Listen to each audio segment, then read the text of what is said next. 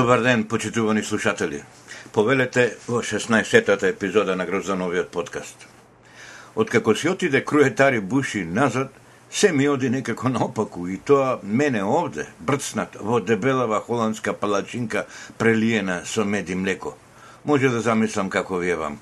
Прво, мислев дека ќе се разболам затоа што Буш ја прескокна Македонија, но потоа, кога пукна таа бруката со рачниот часовник од 50 долари, си реков, шутјур што не дојде кај нас, замислите да го прошетаа по Кеј, на площад, а таму секогаш ќе ги видиш Глигор Копоров, Игор Джамбазов, Есма, Псалтир, тие звезди на нашата естрада. А управата да за јавни приходи сега ги тапани дека крале од државната каса и замислите да се случеше да му го снема садчето на Буш меѓу нив.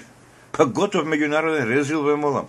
Кој ќе им поверуваше дека не се по сувенири од 50 доларчиња? За безбедноста од озгора на село ова, покрај Секрет Сервис и ЦИА ќе беше надлежна и нашата полиција, начело со Горданче, која се вози во автомобил украден од Девид Бекам.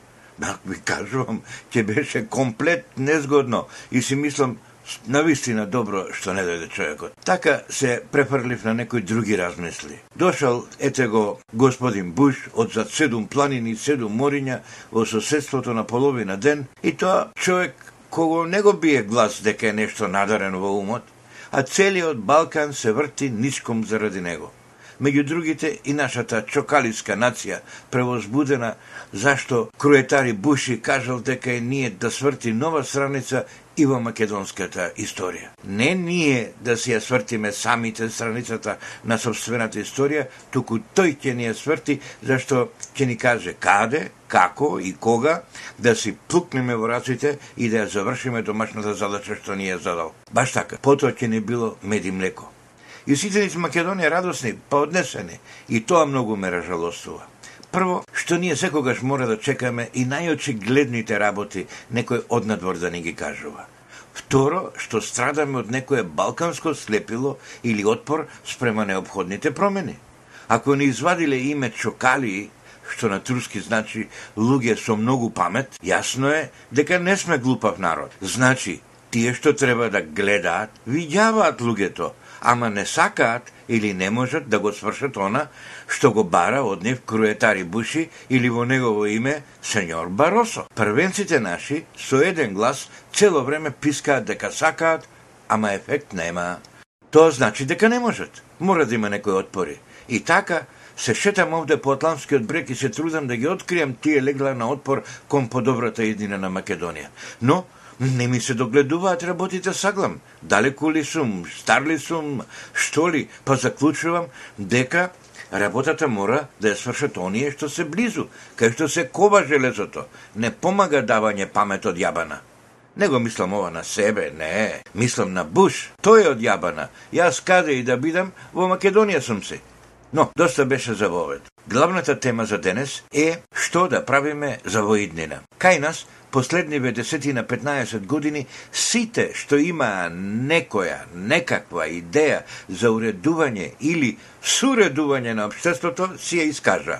Се направија политички партии еден рој. Народот, со оној памет што го има, си кажа што му се чини најдобро од тие политички програми и си одбра собрание. Собранието си одбра влада и заврши работата горе-долу, така е, по цел свет. Создадена е, значи, клима на транспарентност. Јавноста, еве дури и јас одовде, будно следи како кој министер, градоначелник, надежен политичар ќе мртне и веднаш на барабан. Тап, подкаст, одма по вестници на секаде, по телевизија. Целата инфраструктура, значи, е наместо, како што кажува другар Миѓокица, кога станува збор за нашата естрадно-музичка индустрија, ама и покрај тоа, и покрај тоа што таа инфраструктура е наместо, работите не одат како што би сакале или како што би требало. Некаде системот тече. Добриот систем е направен така што или не пушта ни капка, или веднаш се открива од каде тече, па час работа се поправа дефектот. Што му правата за јавни приходи објави дека господин Глигор Копров не пријавил дека имал приход од 5 милиони 406 хиljadi 532 денари, колку што тврдиле инспекторите, туку сокрил цел 1 милион 107 и 29 денари мора да се функционираат законите во нашата држава. Во некои земји таквите или утајувачите на данок во принцип ги тураат на дзет. Во други земји им сечат една или две раце. Во трети земји ги клавата псана. Во четврти им плеснуваат глоба врз она што мора да го платат и постојат, како што сакам да ви кажам, различни тертипи наспроти утајувачите на данок на секаде. Доколку сака, нашето собрание може да донесе закон за валкање во катран и пердови и јавно шетање на такви по улиците. Ама тоа не е убав имидж, нели, за степенот на цивилизацијскиот дострел на нашата држава. Затоа, ебе, господин Копров, волку треба да платиш денок, волку ти е казна за тоа што не си кажал точно колку ти се парите, здраво гледање. Затоа не е Глигор Копров проблемот на нашата светла еднина. Меѓутоа, Есма Реджепова, Виолета Томовска и Ребека Јанковска се проблемот. По цел век пеење ни светот на естрадата. Кога доаѓа во Амстердам, цела Холандија се собира да ја слуша, наша Есма сепак имала само 850 евра месечен приход. Виолета, една легенда на македонската музика, нема ни 500 евра на месец, а Ребека кутрата одвај 187 евра приход на месец. Со ова сакам само да ја подкрепам тезата на мојот продуцент Ѓокица, гледате колку пати го споменувам во подкастот, значи му се додворувам нешто, дека главниот проблем на се кај нас е во тоа што нема пари. Е, не е проблемот дека ние сме некое општество народени утајувачи, патолошки измамници и корумпирани суди. Не, и пак велам не. И управо Ѓокица, значи не сме ние македонците, односно Македонија не е општество на измамници. Јас се залагам за тоа да се расчисти еднаш за секогаш со таа дилема да се сведат сметките на зелена гранка. Ајде сите лажговци, апаши и корумпирани во. Веднаш, ене го Идризово. Уште едно ќе направиме со пари од Брисел ако треба, ама целиот тој джган надвор од кај нас лисиците на раце на октоподот, пред сите камери уживо и да туриме една подебела точка на таа кримогена приказка. Таквиот гест нема да донесе пари, ама еве треба да се тури ред и јас за теа, што би рекле нашите галичани. Меѓутоа мене ме зборот во нешто друго. Каде е каменот? Каде е тука во тако акт каменот? Во Америка велат каде е говецкото? Where is the beef? Нема го. Ние сакаме со овие дејства на законите и со афирмирање на онаа клима за која што се залагаме, Никола Груевски со министрите да ни прават пари. Абе, еднаш мора да научиме дека владите, ка таму каде што одиме, во Европска на Унија, не постојат за да прават пари, туку постојат да прават закони и прописи.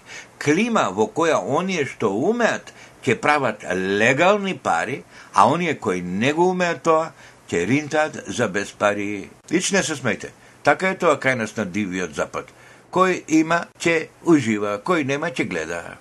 Еве сега, гледам Фрчко и кажува на владата да направила проект за правење петгодишен или десетгодишен план за брендирање на Македонија. Проект, тоа е убава работа кој ќе кажеш затоа што у проекти највише се ќаруваат пари и тој сака да биде дел од тој проект. Види го ти мајсторот. Па штом толку знаеш, професоре Фрчковси, бивши министре, што не земеш да се брзеш со универзитетот Харвард или Укла или Беркли, кој сакаш одбери си и отвори со твојот лимич на голем светски правен стручњак, еден екзекутив мастер of бизнес Administration, правни студии за транзицијски земји. Е, огромни пари има во тоа. Сите универзитети и професори како тебе од тоа зимаат пари очораве од пари за школарине, дури и дудуците од Солунски Аристотелију универзитет. А тие се врзани со третокласни американски коледжи. Меѓутоа, господин Фршковски, како и мнозинството, сака државски пари од буџет, од Министерство за образование. Е, нема така. Па тоа е исто како што им правеа на изапсените во КПД и Ти им каже некој управник што треба да прават, а тие ргај таму, Копаничи во Деоревото дрво прави маси, фотели, корнизи, делкевор мермер од шах фигури, а другарите од раководството сето тоа ќе го изнесат на витри, во витрина на улица Госе Делчев и слободните граѓани ќе шетаат таму на вечер, попладне, ќе гледаат како апашите и другите државни непријатели се превоспитуваат низ труд и креативна работа и за толку ефтино богати може да се купиш убава шах гарнитура или некоја фотелја целата излаборежена. Владава на Груевски изводи на Мегдан стогови и стогови купишта проекти, ги зафирмирани с цел свет, доаѓаат и се врткаат натаму наваму потенцијални инвеститори,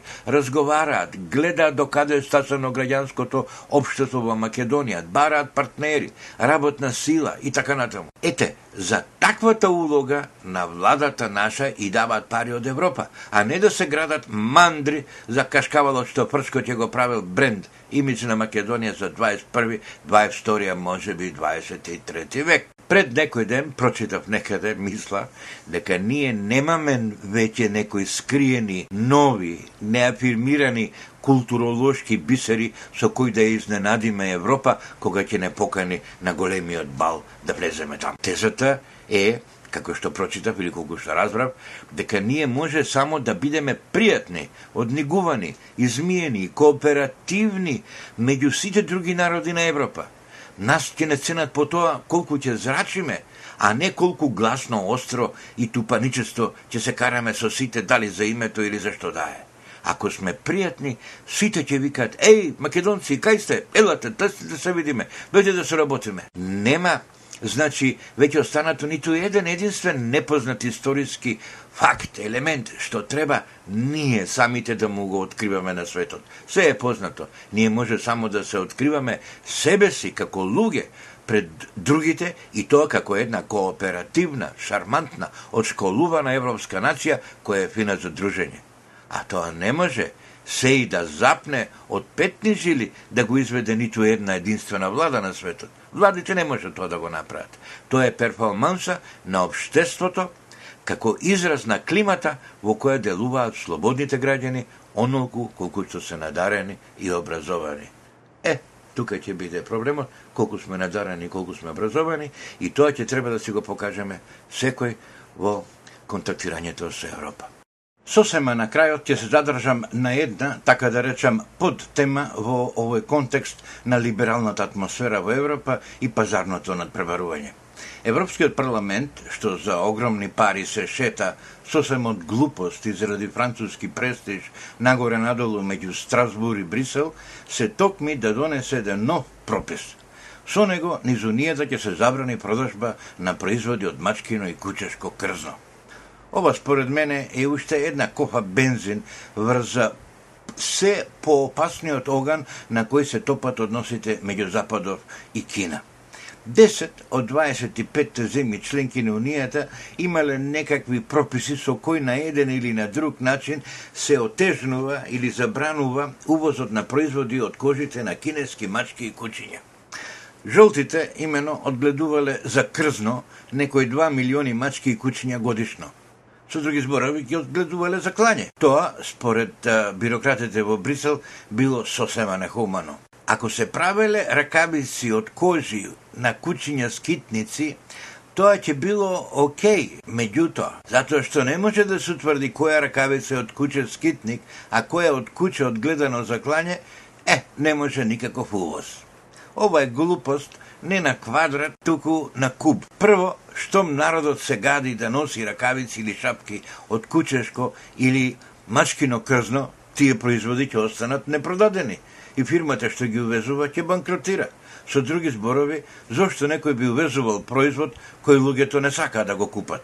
Накусо, нема потреба од забрана на увоз, кога никој не ги увезува, кога пазарот сам, нели, ќе ги изрегулира овие прашања. Законот покажува дека е лага дека никој не сака да купува производи од кучешко или мачкино крзно. Наместо да си го гледа гајлето со оние браќа Далтони во Варшава, Европската комисија се занимава со кинеските кучиња скитници. Јас не знам каква разлика има меѓу ракавици од кожа на пес скитник од оние од пес одгледан заради кожата, ама знам дека кога Кина, пазарот една милиарда и шестотини милиони луѓе, ќе и врзе една завратница на Европската Унија како кусур за се тоа што и се прави на Кина, има да биде плачна смешка каква Брисел сам си ја бара со Боринг. Оваа недела ќе биде интересна со Европскиот самит во Берлин. Меѓутоа, оваа тема ќе оставиме за следната епизода. Толку за овој пат. Грозен Попов ве поздравува од Амстердам.